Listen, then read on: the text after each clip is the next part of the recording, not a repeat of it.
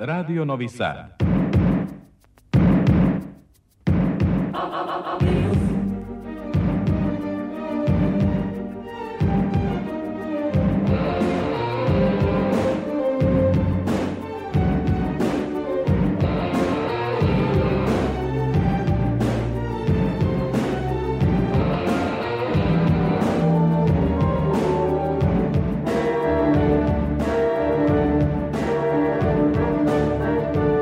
Spektar.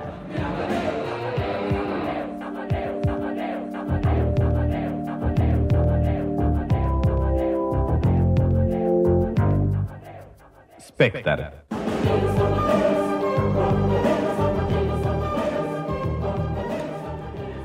Dobro veče. Ja sam Tatjana Novčić-Matijević. Poslednji julski spektar u 2022. godini. Evo, potrošili smo i juli. Uskoro će biti gotovo leto, jesen, a onda brzom brzinom završit ćemo i ovu godinu. E, Spektar, magazin za kulturu prvog programa radija, radio televizije Vojvodine ovog petka, pa moglo bi se reći govori o slici.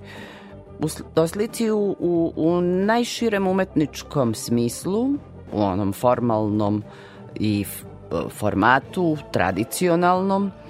Zatim o slici eh, filmskoj, pa onda o slici kao artefaktu, muzeološkom dokumentu vremena, epohe, trendova, mode, predmeta, kako god, šta sve podrazumeva ta jedna slika epohe.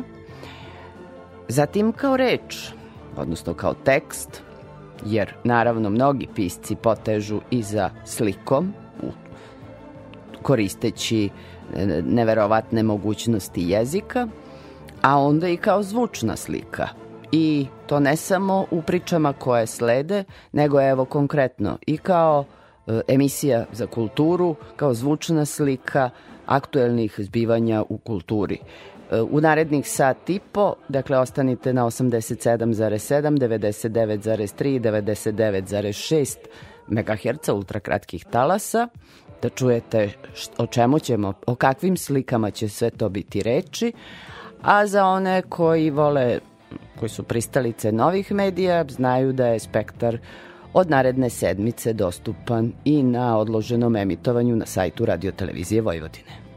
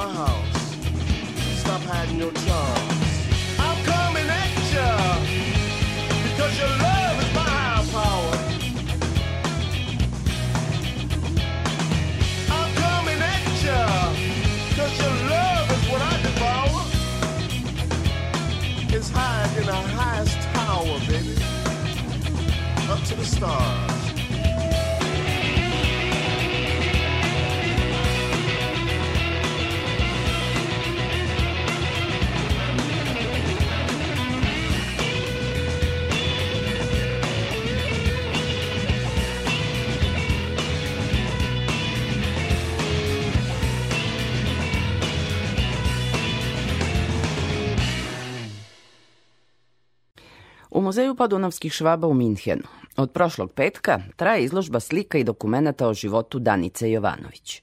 Organizator izložbe je Udruženje Stara Beška koje u sklopu čuvanja kulturnih i istorijskih običaja održava veze sa potomcima Nemaca koji su pre rata živeli u Beški. Rođena Beščanka, slikarka Danica Jovanović, ostavila je za svog kratkog života značajne radove srpskog modernizma. Streljana je na samom početku Velikog rata, na Petrovaradinskoj tvrđavi u 27. godini, samo mesec dana nakon što se vratila sa školovanja u Minhenu. Njen legat danas je u Beški a njen životopis i malobrojne slike, pastozne, ekspresivne, energične, na izložbi u Minhenu predstavila istoričarka umetnosti Jasna Jovnov, inače autorka najkompletnije monografije o životu Danice Jovanović. Sa Jasnom Jovanov razgovarala je Aleksandra Rajić. Koji je povod bio da se izložba organizuje u Nemačkoj?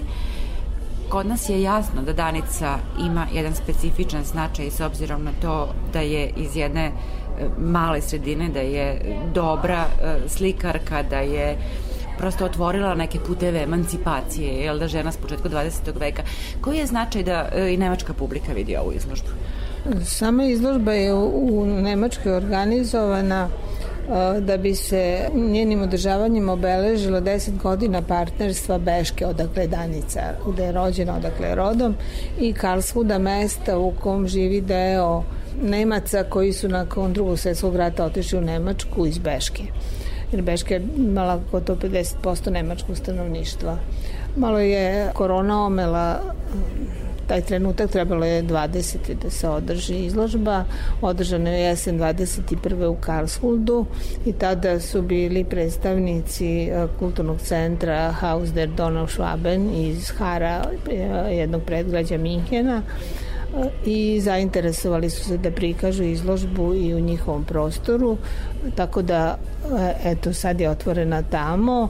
To je inače muzej u kom čuvaju neverovatno obimnu i lepu zbirku nošnji različitih predmeta koji ostikavaju život dunavskih švaba, naravno donetih iz ovih krajeva. I kakvi su utisci s obzirom na to da je Danica imala tragičnu sudbinu za vreme Prvog svetskog rata? Meni je bio cilj da Danicu predstavim pre svega kao slikarku.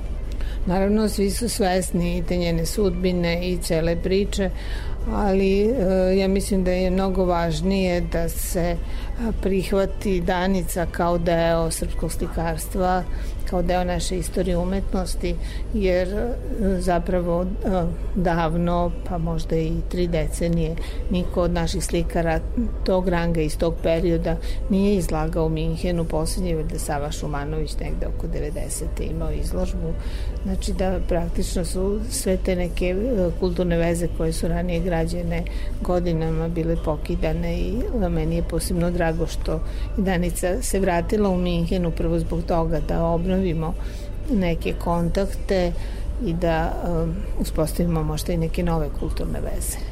Pa možda samo da ponovimo evo šta je to što Danicu vezuje za Nemačku i naravno pre svega njeno školovanje. Danica je, znamo da je u Novom Sadu završila u Srpsku devoječku školu, da je završila dve godine umetničko-zanatske škole u Beogradu i u Beogradu su i predavali uglavnom uh, profesori koji su bili minhenski đaci. Tako da je imala već e, putokaz gde bi mogla da ode. Naravno, ona je mogla da ode i u Budimpeštu, u Beč, u Zagreb, koji su joj bili bliži jer je bila e, stanovnika Austrougarske. Međutim, ona je želela da ode u Minhen jer je znala da tamo postoji Damen akademija, ženska slikarska akademija U Nemačkoj je postojala ta vrsta školovanja jer devojke nisu mogle na redovne akademije, ali ona pružala ipak potpunu nastavu ženskoj populaciji i Danica je zahvaljujući različitim pomoćima dobrotvornih društava i stipendije mogla da ostane četiri godine u Minhenu i da završi akademiju. Zapravo je Zvanica Jovanović prva srpska akademska slikarka sa potpunim slikarskim obrazovanjem. Nadežda Petrović je bila kod Ažbea, kod Juliusa Ekstera, Ažbeovu diplomu su priznavali, akademija je verifikovala, ali to ipak nije bila likovna akademija, što ne, ne umanjuje značaj Nadežde Petrović, jednostavno govorimo o formi. Ima li u Minhenu podataka o e, daničinom školovanju? Naravno, postoje podaci u arhivi akademije, postoji, u stvari zapravo um, akademiju je osnovalo žensko umetničko udruženje i Danica se učlanila u to udruženje i postoje podaci o njenom članstvu u udruženju i kroz to udruženje ona je postala i studentkinja akademije i postoje u policijskom arhivu vrlo precizni podaci. Danica kad ode u Minhen, sutradan se prijavi u policiji, dan pre nego što ode iz Minhen, Minhena, odjavi se, napiše kuda ide. Jedne godine je napisala da ide u Pariz, ali najverovatnije nije išla jer se posle par dana javila iz Beške e, pismo Markadiju Varađaninu. To je ono što postoji. E, ja sam pokušala da nađem još nešto, čak u jednom časopisu koji se bavi umetnošću i kolekcionarski je časopis. Ovaj, davali smo oglas jedno vreme izlazio ovaj, još davnih dana, ali se niko nije odazvao, tako da sasvim sigurno njeni slika ima negde postoje negde, barem nekoliko, jel? Ali nisu se pojavile, kao što se recimo ni u Beški nije pojavila ni jedna danic, daničina slika što je meni neverovatno da niko na tavanu nema nešto ili negde, jer ona je ipak ovaj, leta provodila u Beški i slikala je tamo i imala je prijatelje i bilo bi logično da je nekome ipak poklonila sliku. Šta ste to prikazali minhenskoj publici? Pa prikazan je pre svega životni put Danice Jovanović, njima posebno s obzirom na to da se radi o potomcima podunavskih švaba ili o Nemcima, bilo im je zanimljiva Beška, nje život u Beški, tako da smo krenuli odatle. I zatim novosadsko školovanje, školovanje u Beogradu, školovanje u Minhenu i priča o toj njenoj tragičnoj smrti i nekim događajima koji su se odigrali posle smrti, reakcije javnosti i e, konačnom prihvatanju Danice Jovanović kao slikarke. U okviru toga e, prikazan je niz dokumenta i fotografija iz njenog života, iz Beške, iz Novog Sada, iz e, Minhena i e, naravno crteži i daničine slike.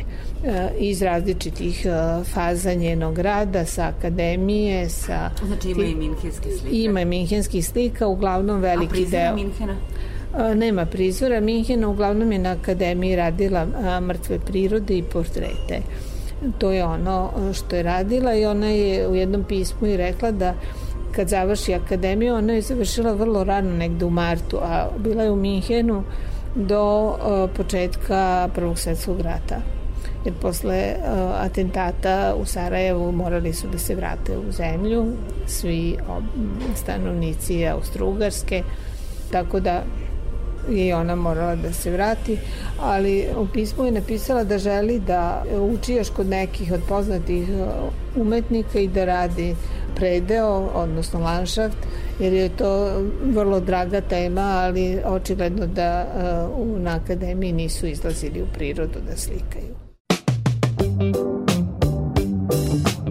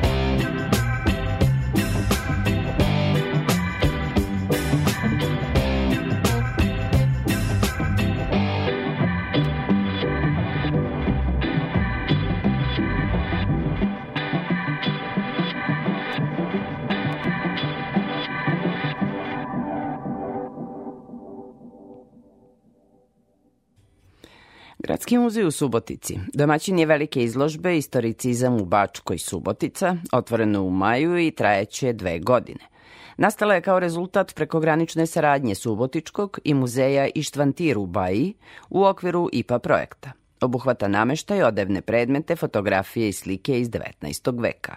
Pojedini predmeti iz stalne kolekcije Subotičkog muzeja prvi put su predstavljeni javnosti. Autorke postavke su Olga Kovačev-Ninkov, Ljubica Vuković-Dulić i Žužana Korhec-Pap. Sa istoričarkom umetnosti Olgov Kovačev-Ninkov razgovarala je Ivana Maletin-Ćorilić. Kada se govori o arhitekturi e, Subotice, mnogi prvo pomisle na secesiju, međutim, istoricizam zauzima značajno mesto u istoriji ovog grada. Na koji način ova izložba tretira taj period? Mi u Gradskom muzeju se bavimo sa pokretnim kulturnim dobrom, tako da smo želeli prvenstveno da izložimo predmete iz druge polovine e, 19. veka u, u stilovima istoricizma. Tako da je ovde na izložbi izloženo negde oko 95% naših predmeta. A onaj ostatak smo potražili iz drugih zbirki, e, recimo iz Muzeja grada Novog Sada smo po, pozajmili akvarele Mihajla Batorija Blaškovića koji je bio slikar dekorater za vreme istoricizma tu u Subotici, ali igre slučajnosti e, njegovi radovi su kasnije, jeli, ovi, ovi predlošci zapravo dospeli u Novi Sad i tako dalje. U sakralnom delu izložbe, pošto izložba ima tri autora, e, zasnovana na tri, tri velike oblasti, ajde recimo tako, likovne umetnosti, jedna je profana e, likovna umetnost, u okviru toga modu i e, štampu je obradila Ljubica Vuković-Dulić, istoričarka umetnosti. Sakralni deo te sfere umetničke je obradila Žužana Korhec-Pap, a ja sam odradila profani deo i to javnu sferu i privatnu sferu. Znači, izložba koja se nalazi na dva sprata, to je u prizemlju i na spratu našeg muzeja, obuhvata znači pregled primenjene umetnosti, likovne umetnosti, slikarstvo, vajarstvo i arhitekture tog perioda i jako smo ponosni što smo uspeli i da restauriramo neke od predmeta koji su sada po prvi put izloženi iz naše zbirke i što smo, zahvaljujući jednom projektu prekogranične saradnje sa Muzejem u Baji, uspeli da imamo i materijalna e, sredstva za i neke nove vitrine i za restauraciju i tako dalje. Znači to nam je bilo jako bitno da sve što izložimo ima neku svoju priču i naravno kao što se obično muzejima radi, sklapali smo te priče po nekim celinama. Evo tu sad gde stojimo, iza mene je sekreter e, Aleksandra Livke, znači njegov legat se nalazi kod nas u muzeju iz tog legata smo izdvojili e, sekretar u stilu neobaroka sa elementima japanizma e, i jednu fotelju, kao i sto, kao i nekoliko slika iz tog legata. E sad, ono što je bitno reći, recimo zašto je važan nama ovaj sekretar, ne samo zbog tog što je pripadao poznatoj ličnosti, i što je izrađen u tom stilu koji nama baš za ovu izložbu treba, nego zato što je izrađen baš u Subotici, mm -hmm. u fabrici nameštaja Šipoš i Sinovi 1932. godine. E, znači, to su uvek kompleksne priče koje se vezuju za određene predmete i mi uvek želimo i težimo ka tome da uvedemo uh, jedan, jedan širi kontekst pogleda e, i da uvedemo i arhitekturu e, u izložbu. E, kada šetate gradom, onda je to što možete da vidite. A kada dođete u muzej, onda vidite jednu još širu priču, vidite kako su ti ljudi živeli, kako u kakvim e, enterijerima, ti predmeti govore o e, njihovim e, navikama, o njihovim željama, o njihovom estetskom pogledu e, na svakodnevni život i tako dalje. Znači, jako puno slojeva može tu da se, da se ovaj, otkrije i da se pokaže. Rekli ste da su neki predmeti premjerno prikazani na ovoj izložbi. Da. O kojim predmetima je reč? Konkretno, jedan od tih predmeta je e, nameštaj u stilu neogotike, a u okviru toga e, krevet sa baldahinom. Znači u stilu neogotike e, crni nameštaj je u pitanju, on je restauriran za ovu izložbu i po prvi put je izložen od početka od kada postoji muzej. I čini mi se da svaka soba odiše nekim svojim e, stilom, hvala. ima svoje neke karakteristike, ili to bila i osnovna ideja? Jeste, hvala vam puno e, za ovu pohvalu. Da, trudili smo se. Kao da, svevrsna šetnja kroz tako vreme. Tako je, trudili smo se da spojimo predmete, recimo u celinu neorokoko, imamo e, sobu, jedan interijer, e, u stilu neorokoko, ali tu nije samo namaštaj, nego recimo i petrolejske lampe koje su veoma bile važne u 19. veku. E, zatim e, imamo tu i sliku i lepezu, recimo jednu sa scenom venčanja Marije Antonete. E sad ta lepeza je iz legata Aleksandra Livke. Znači, vidjet ćete tu neke predmete koji su razbacani, znači iz jednog legata vezani za jednu ličnost, su razbacani po tim celinama koje ste vi primetili. Da je to celina za neorekoko, ovde gde stojimo ovo je neobarok, u tom uglu preko puta je orientalizam. U sledećoj sali e, je istorija štampe i fotografije za vreme istoricizma, zatim sledi sakralna umetnost sa drugom atmosferom, a na spratu imamo celinu e, Napoleon III stil mm -hmm i imamo tu javnu sferu, znači um, portrete javnih zgrada iz vremena istoricizma i fotografije na kojima smo pokazali te glavne zgrade koje su izgrađene, recimo gimnazija, e, glavna iz tog vremena u stiju neo-baroka. E, Projektant je taj poznati Ferenc Reichel, gde je danas u njegovoj zgradi moderna galerija, ali to je, ta zgrada je u stilu secesije i obično ga vezujemo za secesiju. Međutim, on je odlično znao da piše i, i olovkom ili kako da kažem da projektuje u, u stilu istoricizma, znači u ovom slučaju neobaroka ili recimo zgrada današnje biblioteke gradske, e, to je nekadašnja nacionalna kasina i isto u stilu neobaroka, isto projekat Franca Reichla. Eto recimo tu su dve ovaj, javne zgrade, ali tu ima još i crkava iz tog vremena koji su stojali javne zgrade iz tog vremena i tako dalje. Znači, možemo reći da je istoricizam mnogo više prisutan e, i u arhitekturi mm -hmm. i u predmetima u našoj zbirci nego što je secesija. Koje su njegove glavne odlike, ako bi se morali ovako kratko da sumiramo? Da, pa um, ima više glavnih odlika. Jedna od najvažnijih i prvobitnih odlika je revitalizacija uh, starih istorijskih umetničkih stilova. Znači, e, u toj drugoj polovini 19. veka ljudi su voleli e, da maskiraju ili kostimiraju svoje zgrade u stare stilove, barok, pa su nazivali tu zgradu neobarok ili recimo u renesansu, pa imamo neorenesansu, je li tako? pa neorokoko, znači sve ima tu rečicu na početku neo. Novo. Tako je. E sad, isto to se javlja i u primjenoj umetnosti i u štampi i oni sami su izuzetno volili da se oblače u kreacije, znači u, u haljine, u odore tih starih vremena. Zato već e, ovaj, i imamo iz tog vremena fotografije građana koji su jednostavno obučeni u te neke komplete iz recimo baroka ili ovaj, rokokoa. Tu na našoj izložbi baš gde je prikazan neorokoko imamo dve fotografije iz naše zbirke koje smo e, uveličali i postavili na zid. Obe fotografije su nastale u Subotici i Subotičkom fotoateljeu. Na jednom se vide uh, sestre Vojnić, uh, obučene u neorokoko haljine sa velikim perikama na glavi, a na drugoj slici se vide deca kako uh, sa instrumentima, kako sviraju klavir ili, ili uh, flautu, obučeni kao što je mali Mozart bio obučen, jer to je i vreme Mozarta, znači neorokoko, ali uvek vezujemo za Marija Tereziju, za Mariju Antonetu i za to je vreme isto Mozarta. I faktički to je bilo veoma svesno buđenje tog vremena ponovo u drugoj polovini 19. veka Well,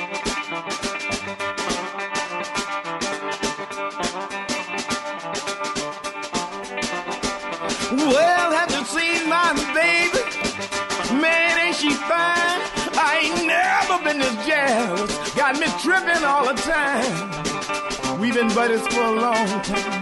But there's one thing you got to know. I catch you messing with my woman. Man, I'm gonna pull my 44.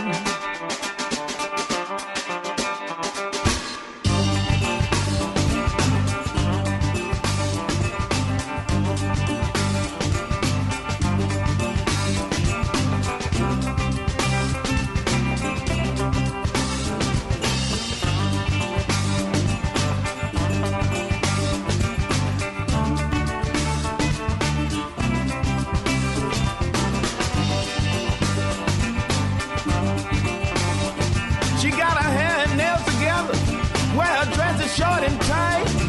But don't you make a move, don't you sure gonna start a fight.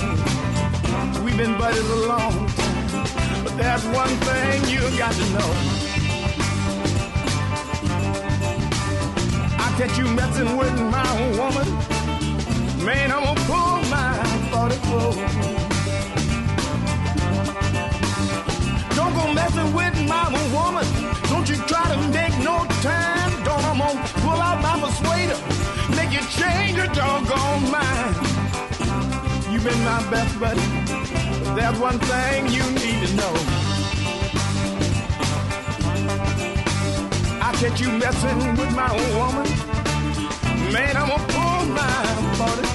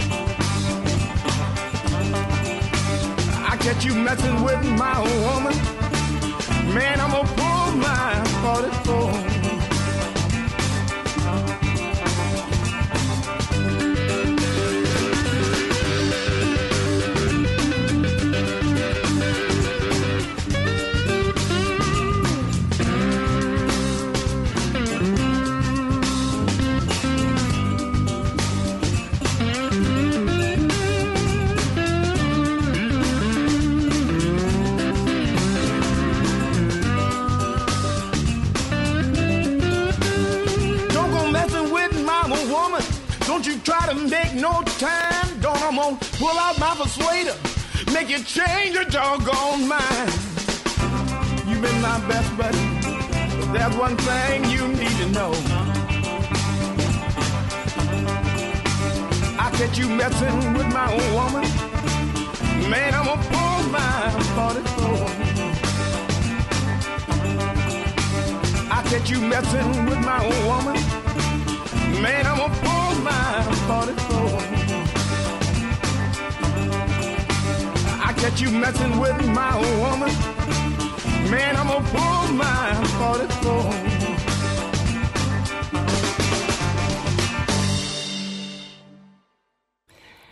Novom Sadu gostovao je hrvatski pisac Renato Baretić.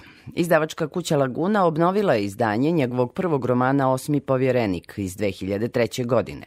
Baretić je od tada poznati našim čitaocima jer mu je Rende objavilo i Osmog povjerenika i roman Hotel Grand.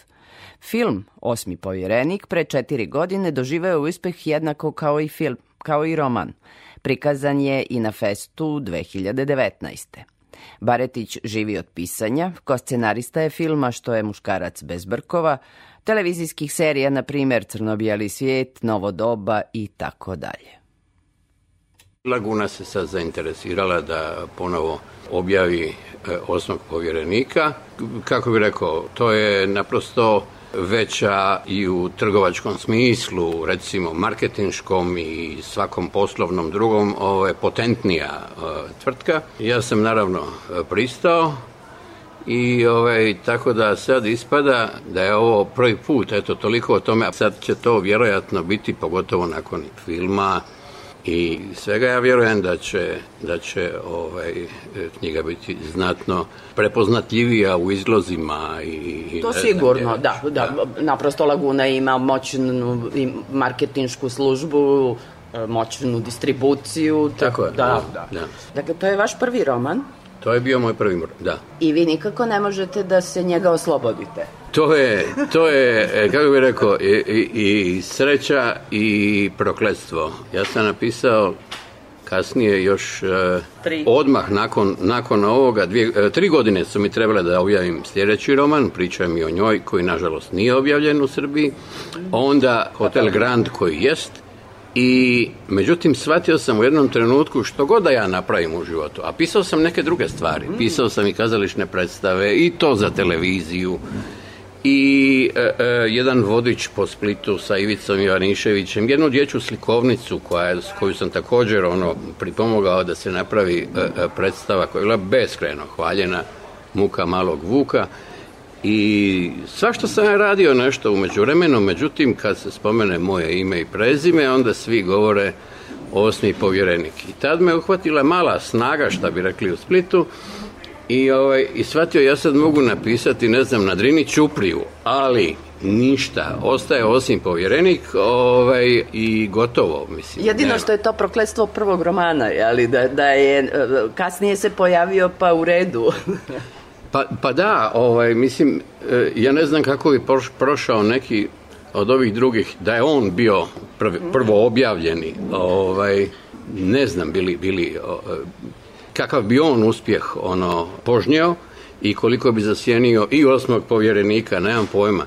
Ali trebalo mi je jako, jako dugo da se okuražim e, e, uopće da krenem pisati još jedan roman i to je sad ovaj posljednji zadnja ruka, friško izdan i bi, trebao bi biti prema onome što sam razgovarao sa ljudima iz Lagune, ne znam da li bi trebao, ali bi mogao sigurno biti e, objavljen negdje do kraja godine i u Srbiji.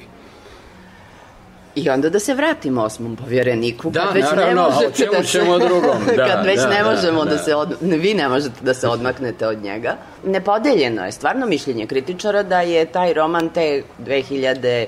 Treće. godine zaista Na bio najbolji u hrvatskoj knjiže, romanesknoj produkciji. U ostalom dobio je silne nagrade. Pa i samom činjenicom da je poslužio kao predložak i za film, ali i za pozorišnu, ne, Da, pozori, da, i da, pozorišnu dvije. predstavu, dve. Dakle, ima nešto u tom štivu koje je kao magnet, ne samo za čitaoce, ljubitelje literature, nego i za profesionalne Za čitaoce iz drugih... Da, da. da, u drugim Ovaj. umetnostima. E, e, A rekla bih zapravo da, da je to ona fina situacija koju ste napravili da se sudare dva sveta što daje mogućnosti sudara e, više jezika, više tih prostora, misli, prakse, životne. Dakle, jedno ostrvo, svi mi negde stariji imamo svest o tome da su ostrva svet za sebe, ali, a vi ste ga još stvarno smestili mimo svih, tako Da. reći, znanih. Da, o, postoje, postoje ovaj, e, uz Hrvatsku obalu dva otoka koji se zovu Prvić. Jedan je ispred e, Šibenika, odnosno Vodica, a, ovaj, a drugi je ispred e, Kodraba gore, malo sjevernije. I onda sam ja smišljao ime za taj svoj e, otok i onda Drugić. Drugić, taj ne postoji u stvarnosti, ali mi je zvučalo nekako preblizu. I onda sam ga pljusno ono usred Jadrana i zove se Trećić. I to mi je odmah dalo, ovaj, kako se ti, ti, ti kampanilistički porivi u Dalmaciji ovaj, i zapravo uz cijeli taj rub Mediterana non stop ponavljaju, oni su smrtni neprijatelji sa najbližim susjedima. Mislim, nije to samo na, uz more, znamo se, dobro je, ovaj, sa najbližim i najsličnim susjedima najviše se e, konfrontiramo. E, I onda smjestio sam radnju u zimu, to se sve događa kroz šest mjeseci zime, od jeseni do, do proljeća. I ljudi kad zamišljaju te otoke, ogromna većina, ono 90% ljudi zna ih samo po onih 10 ili 15 ili 20 dana ljeti. Niko ne zna kako je na otoku zimi. A zamislite kako je tek na otoku koji je toliko izoliran i toliko drčan da ne želi uopće niti ući u, u ustavni sistem e, e, Republike Hrvatske i održavati izbore, jer se oni sami ne žele svađati među sobom i dijeliti na stranke i ne znam šta. I ovaj, to je dakle po hrvatskom zakonu, tada vlada šalje povjerenika koji mora, ima zadatak upravljati otokom dok se ne organiziraju izbori. Eto. E, meni je uvijek bila najdraža poetika koju je e, Alfred Hitchcock sažeo u, u vrlo kratku rečenicu. Običan čovjek u neobičnoj situaciji. I zapravo su sve moje knjige prije svega romani, ovaj, e, e, bazirani na nečemu, na nečemu sličnom. U osmom povjereniku su ljudi prepoznavali svašta. Ima i diplomskih radova koje su mi slali prijatelji moji koji su profesori na, na, na, na, ovaj, na filozofskom fakultetu u Zagrebu ovaj, di ja čitam i di mi tumače, dakle ti mladi ljudi, ovaj, ne meni, nego tumače tu knjigu, ja ništa od toga naravno na pameti nisam imao. A, dakle, i vi ste se kao običan čovek našli u neobičnim okolnostima. Apsolutno, apsolutno sam non stop u neobičnim okolnostima. Dakle, to nije, nije za mene ništa, ništa nepoznato. Ne. I uglavnom, e, često me ljudi pitaju, e, koji znaju te otoke ljeti, kažu, znam odakle ste pokupili taj dijalekt, jel komiža, jel tako, na viso, jel... I ja govorim, da, kako znate, ovaj, Onda drugi kažu, to je susak, jel tako? Ja govorim, ma, ma kako ste me skužili? Uglavnom, ja volim da su moji čitatelji u pravu.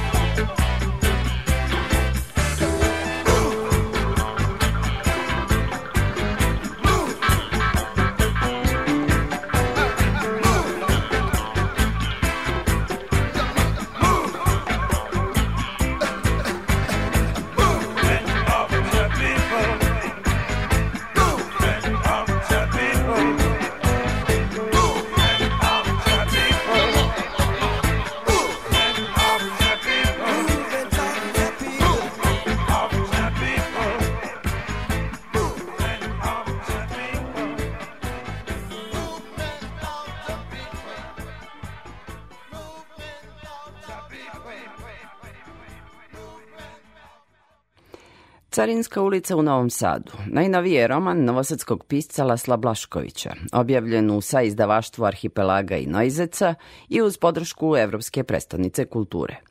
Reč je o svojevrsnoj hronici grada, romaneskno-dokumentarističkoj, o perspektivama Bogdana Šuputa i Lasla Blaškovića, o poticajima i začudnim seobama teksta i literature.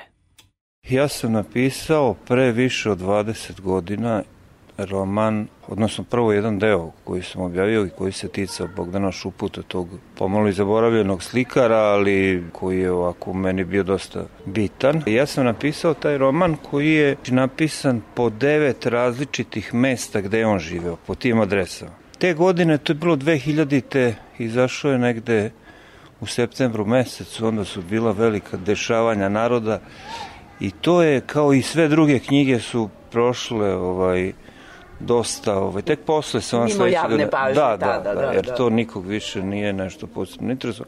Malo mi je bilo žao zato što mi je bilo stalo, stalo do ovaj, tog romana.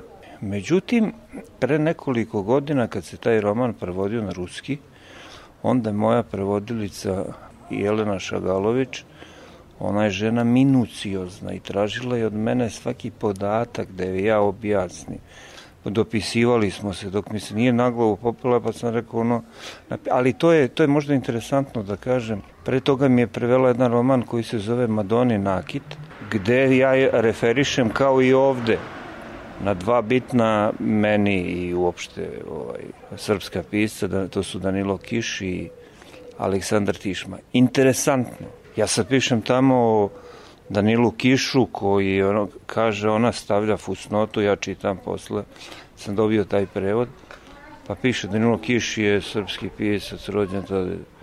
Pa ja kažem, možda vam ovo ni ne treba, mislim, ipak je ono, ne kaže, to uopšte nije prevedeno, ovaj, jer verovatno zbog toga, zbog te teme Kišove, mm -hmm.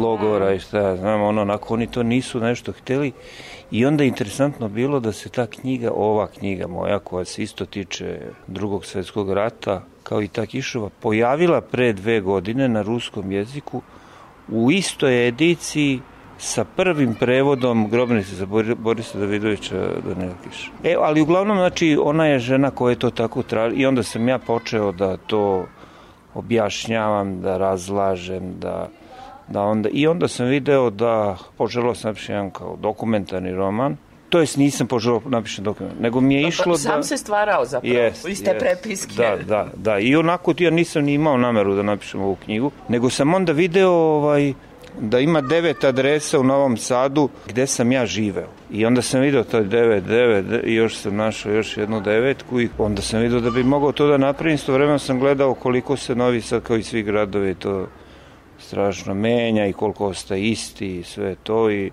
onda sam hteo to što ti kažeš ovaj, da je blizu Carinska ulica jeste tu neku ruku. Blizu je jedna... Pa, pa u ovom delu grada jeste. Jeste, da, mi smo sad da, na podvari, da. da. Tu je ta moja ulica Patrija Čarnovića gde i sada živim, a ona je bilo, ona se sad zove Vase Pelagić. Ja sam rekao, to u beskonačnosti mora negde se sretne da napravi raskrsnicu, Što samo govori da, dakle, i te promene naziva ulica jesu deo promene grada. Tako je, tako je, jer ja jer, sam... Otkud potreba za, za tim rasponom? Ta novosadska hronika je prilično duga. Jest.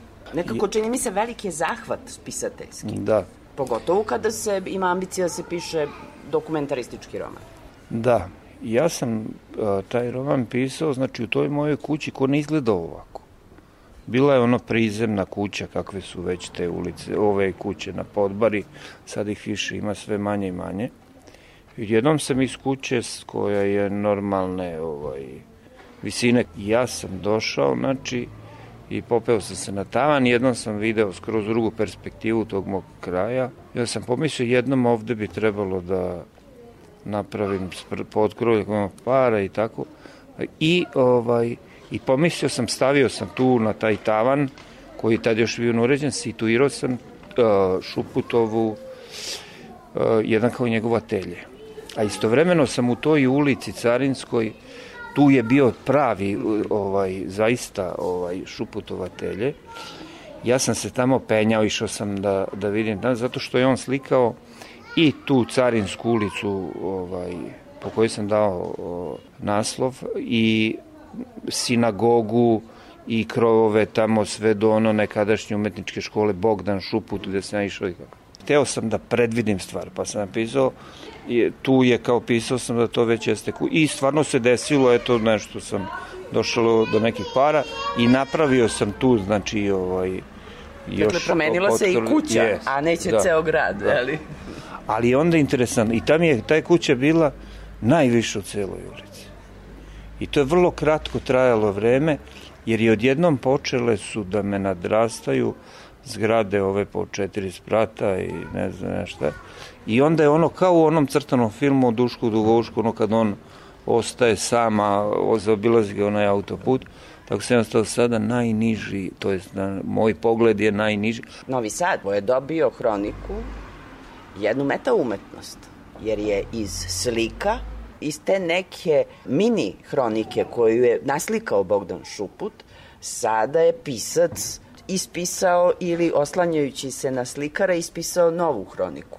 Jeste, ali ovaj, dobro, mene je to uvek interesovalo i u poeziji i u prozi slika, pesničke slike. To je ovaj kad imam ono scenografiju, kad ja imam sliku u glavi, onda je to sama priča dođe po sebi.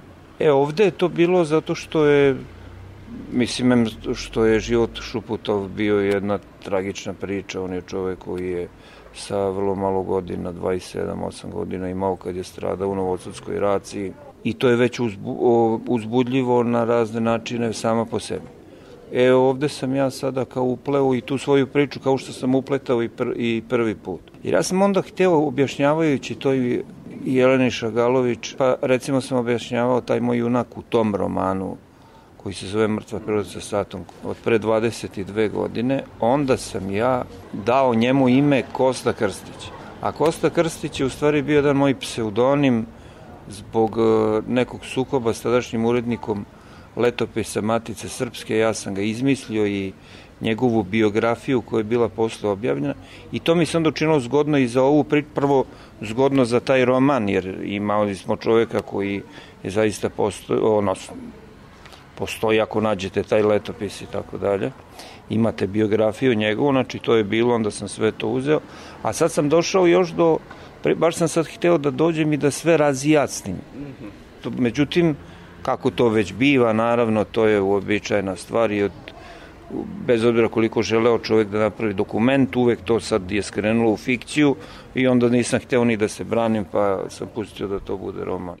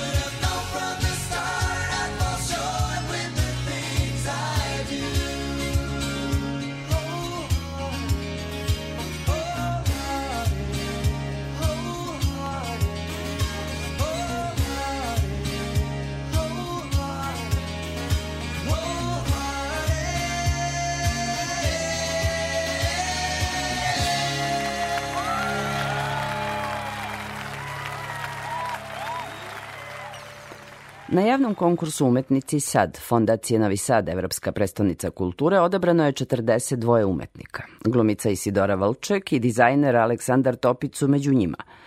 Radove će predstaviti u okviru ovogodišnjeg kaleidoskopa kulture, beleži Ana Čupić. Glumica Isidora Vlček će sa decom podeliti edukativnu, interaktivnu priču kako se gradi karakter. Nakon što je predstavom Eiffelov toranj osvojila nagradu za najbolje umetničko ostvarenje na 30. zmajevim dečijim igrama. Izrazila je veliko zadovoljstvo što je sa kolegama dobila šansu da bude deo ovog luka. Moja koleginica Divna Stojanov, dramaturškinja i ja smo 2000, krajem 2021. dobile nagradu na festivalu monodrame za decu Zmave dečije igre pod nazivom Eiffelov toranj i onda smo odlučili da konkurišemo sa tom pričom koju smatramo da je važna i zapravo smo shvatili da se kroz tu priču najbolje uči kako se gradi karakter. Te ovaj naš projekat se sada zove kako se gradi karakter. Ima proširenu verziju sada. Nije više trajao je negde oko 20 minuta, sada smo proširili. Divna ovaj, je napisala dodatak i novi deo teksta. E, tako da mislim da će ovo biti divna jedna stvar koja može, mislim, u mnogome da, da pomogne deci da samo počnu malo drugačije da percipiraju svet. Možda sa njima se ne preče dovoljno o tome zapravo šta je karakter i kako se on gradi i da postoje različiti načini da se to postigne. Divno je, mislim, što, kako da kažem, Narodska predstavnica kulture i sada, iako je već u toku i dalje ima, i dalje otvara konkurse za, za mlade umetnike. U svakom slučaju svaki put kada mladi umetnik dobije neki projekat, to njemu daje novi podstrek, da je ipak moguće i da ima smisla. Aleksandar Topić je kao novosadski samostalni umetnik odlučio da ostvari projekat od ateljeja do preduzetništva. To će biti prilika da sa zainteresovanim posetiocima i učesnicima podeli dosadašnje 11-godišnje višeslojno iskustvo, naročito kada je u pitanju usmeravanje i edukacija mladih ljudi koji se bave umetnošću, a žele da uplove u preduzetničke vode, rekao je Topić. Što se tiče same izložbe, ona će biti sačinjena od izložbe, dakle onoga što ja radim, ali i radionice na kojima ću mladima pomoći kako da pristupe preduzetništvu iz umetničkog nekog dela. Moram da priznam da mi kao samostalni umetnici dajemo 500% od sebe i da opstanemo na tržištu i da budemo vidljivi i da promovišemo svoj rad i ovaj projekat je i više nego smislen i više nego povoljan i potreban zato što je nekako i ta finansijska pomoć za realizovanje pro projekata i tekako dobrodošla s jedne strane, s druge strane je potrebna i ta vidljivost naših, našeg rada, naših projekata i prosto smatram da je i od velike važnosti ceo ovaj projekat i da jedva čekam celu realizaciju celog projekta i da se nadam da će ovakvih prilika biti još. Projekat Umetnici sad Evropske prestonice kulture pokrenut je pre dve godine kao podrška novosadskim umetnicima u vreme pandemije virusa korona. Ove godine konkurs je bio otvoren za umetnike iz cele Srbije.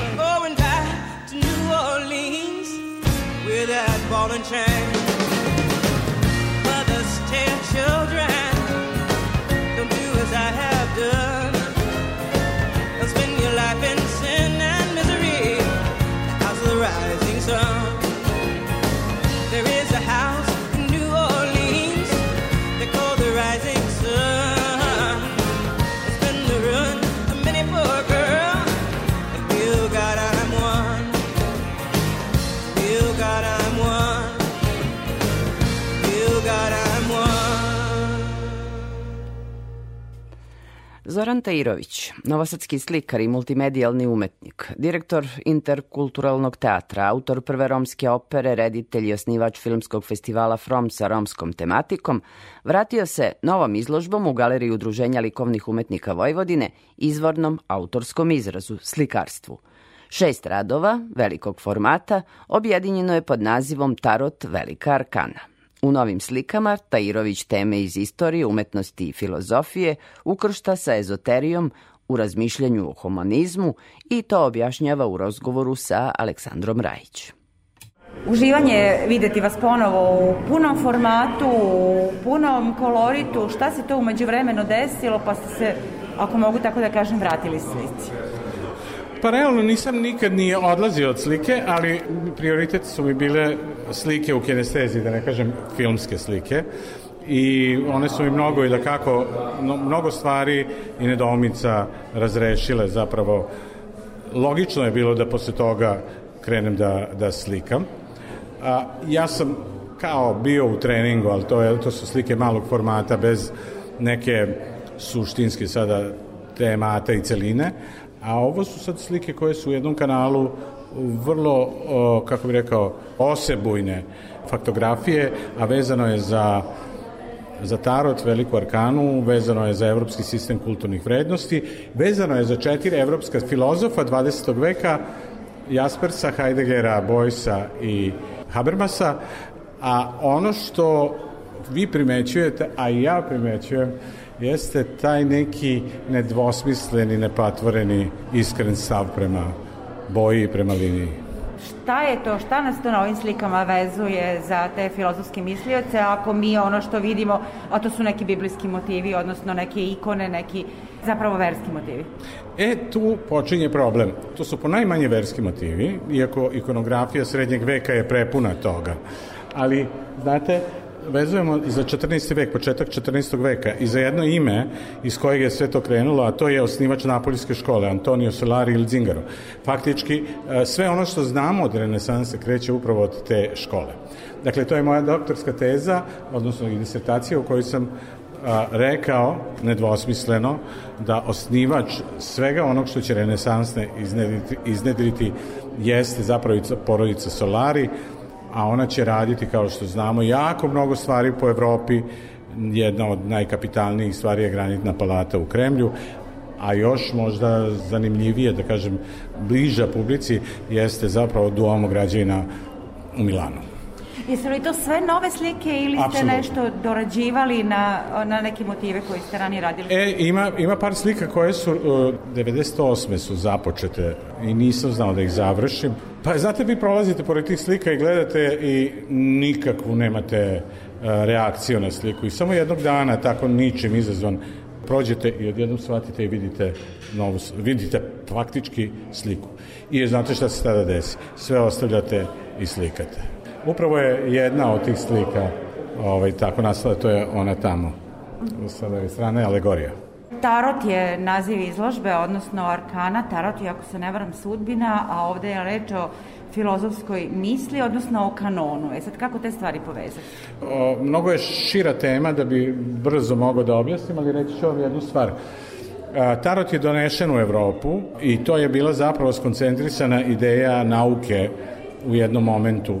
Znači, Tarot je bio aparatura naučnika da prenese informaciju. To se u FES-u desilo kada je nauka rekla da će komunicirati u buduće prenosom informacije na bazi simboličkih slika.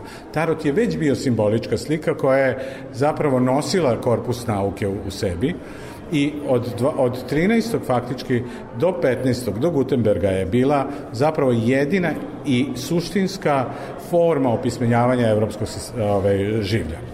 Da, da, to je moja, u mojoj doktorskoj disertaciji i stoji, gde pokazujemo zapravo to. Posle Gutenberga kreće prenos informacije na bazi slovnog znaka i tu počinje nešto drugo, počinje skladište, uh, informacije i znanje i naravno počinje velika, velika manipulacija znanja.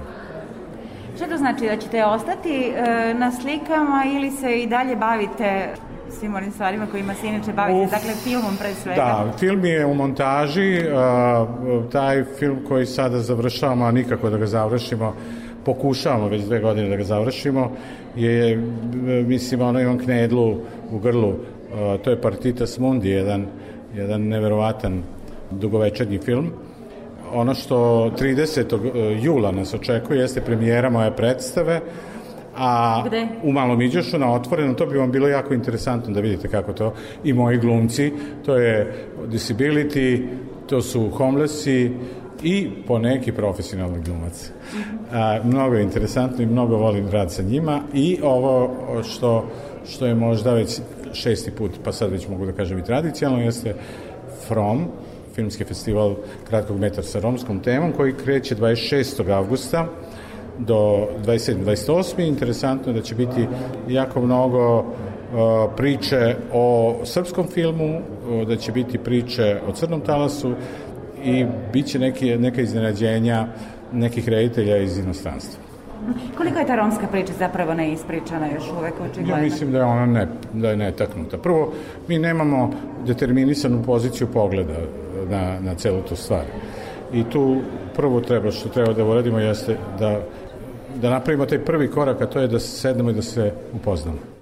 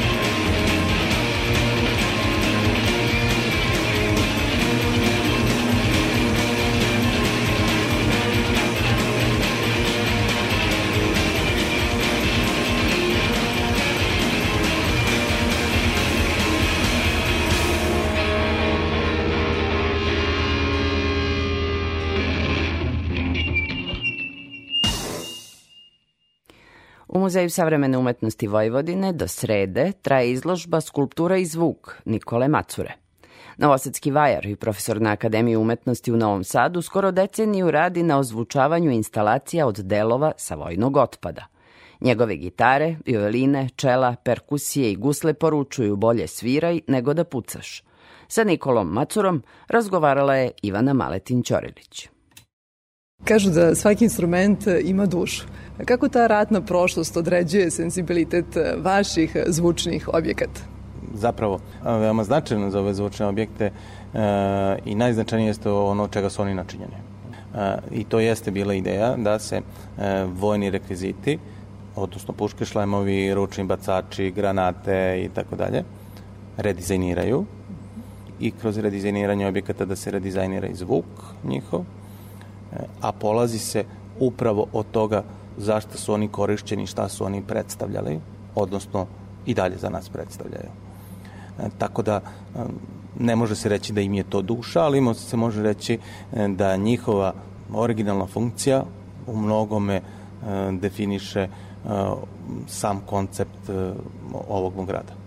Ili vas taj kontrast i privukao da se vinete na to istraživanje? Može se tako reći, da.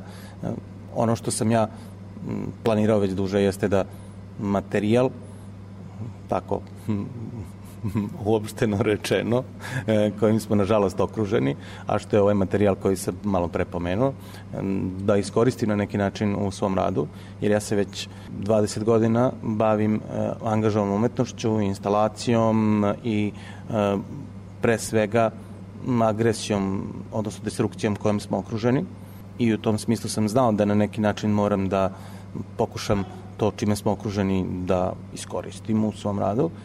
Nije mi dugo bilo jasno kako to da, da, da, da iskoristim, pa sam probao da u njih unesem i svetlo i zvuk i to je prva negde etapa tog, tog projekta, nekakva nulta, hajde da kažemo, gde sam ja još, e, nije mi bilo jasno šta do kraja treba da uradim sa tim.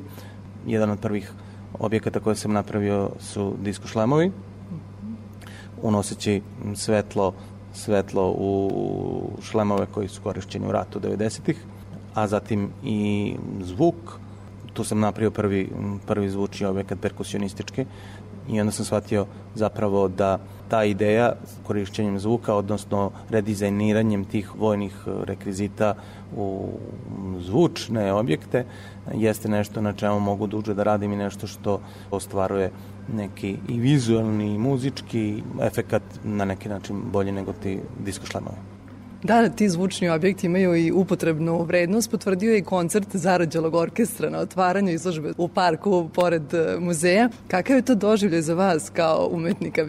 Ja sam svo vreme priželjkivao uh, orkestar uh, i, i dalje želim uh, koncert uh, na taj način. Mi smo već sa muzičarima izvodili na nekoliko mesta improvizacije, muzičke na ovim i sličnim objektima, a međutim ovo je prvi put organizovan koncert duži što se tiče trajanja naravno to su neke kompozicije odnosno aranžmani uključeni i prvi put smo sada mogli da vidimo kako izgleda to na jednoj ozbiljnoj bini ja sam, kao kažem, ja sam veoma zadovoljan. Naravno, smatram da to može i dalje da ide i treba bude bolje i trudio sam se zajedno sa muzičarima sa kojima sarađujem, naravno, da mm, krenem u formiranje jednog specifičnog, mm, tako da kažemo, zarađalog orkestra, e, koji bi trebao da bude regionalan e, i da taj koncert koji su sugrađani mogli da vide bude zapravo samo početak faze u kojoj bi se formirao zarađali regionalni orkestar koji bi putovao po regionu da bi se instrumenti dalje e, dodavali od oružja iz regiona e, i zapravo na taj način se izvršio veći, kako kažemo, stranom rečju, impakt na, na okruženje ne samo Srbije i Novog Sada, već onako kao što sam od starta planirao i, i mnogo, mnogo šire. Dug je put od pronalaženja tog vojnog rekvizita do stvaranja objekta koji proizvodi zvuk. Koji su to koraci neizbežni na tom putu? Da bi došli do tog zvučnog objekta, e, mora se prvo pronaći, pronaći materijal. Uglavnom idem na vojni otpad u Temerinu, neke sam stvari dobio, kupio preko oglasa takođe, to i dalje tako može. Zatim donosim e, one objekte koji su mi interesantni e, u atelje, biram ih e, na taj način e, što mi je negde vrlo bitno da budu na prvu prepoznatljivi, da im se zna namena, da im njihova forma bude vrlo prepoznatljiva, zato što je forma ono što u tom procesu redizajniranja, odnosno redefinisanja, e, se trudim da se, da se ne naruši previše. Zatim uklapam te, te objekte na način na koji mislim vizualno da treba da se postave. E, pozivam muzičare u otelje sa kojima se rađujem i zatim ide konsultacija sa muzičarima, uglavnom se koriste instrumenti koje oni originalno sviraju da se odrede pozicije, pozicije za žice, za kobelice, dužine određenih o, o, o vrata i tako dalje, recimo gitare. Kada ja opet sve to postavim i postavim žice, pozivaju se opet muzičari da probaju da koriste te objekte, mm -hmm. Jer a, pored toga što je bitno da oni proizvedu zvuk, veoma je bitno i da li, da li a, oni koji treba da ih sviraju mogu da ih sviraju, jo? A, i na koji način mogu da ih sviraju, jer to bez obzira što su o, zvučni objekti E, pod navodnicima instrumenti e, koji su pravljeni u odnosu na neke postojeće instrumente, e, to su zapravo potpuno novi zvučni objekti, odnosno instrumenti, muzičari moraju da nauče opet i sviraju. Kakvu percepciju, taj kontrast sa jedne strane vojnog oružja, sa druge umetničkog oruđa stvara kod publike? Uglavnom su reakcije dobre. Ja sam navikao da, da prosto u takvom svetu i okruženju živimo da da nije to uvek tako kako pretpostavljate. Tako da ja u startu nisam pretpostavljao reakcije. Meni je samo bilo bitno da, da to uradim zato što na neki način smatram da je to značajno za mene lično uh, i za moje okruženje, da konačno krenemo dalje, udaljimo se od rata i zbog toga sam to sve uradio pa bih se moglo reći da su me na neki način i reakcije okruženja mog, odnosno publike iznenadile. Reakcije nisu dobre samo u, u, u Novom Sadu, Srbiji i tako dalje, već su veoma dobre regionalno i šire. Utice koji mediji mogu u tom smislu da, da izvrše, odnosno da predstave nešto je veoma značajan. Meni nije samo bitno da ljudi čuju te objekte, nego da se prenese poruka koje taj projekat nosi.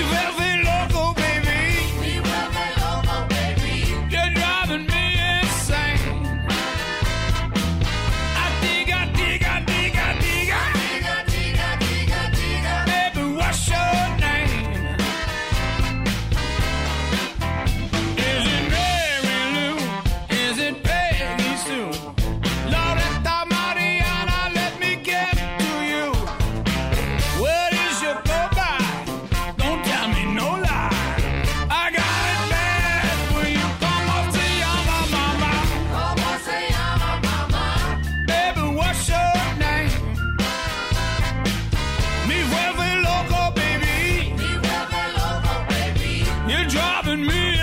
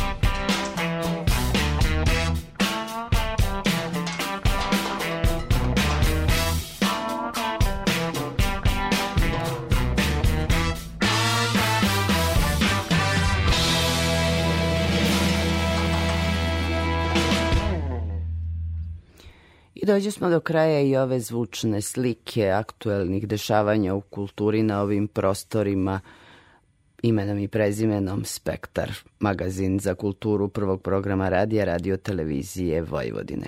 Laku noć i dobre snove želi vam Tatjana Novčić-Matijević i čujemo se u avgustu.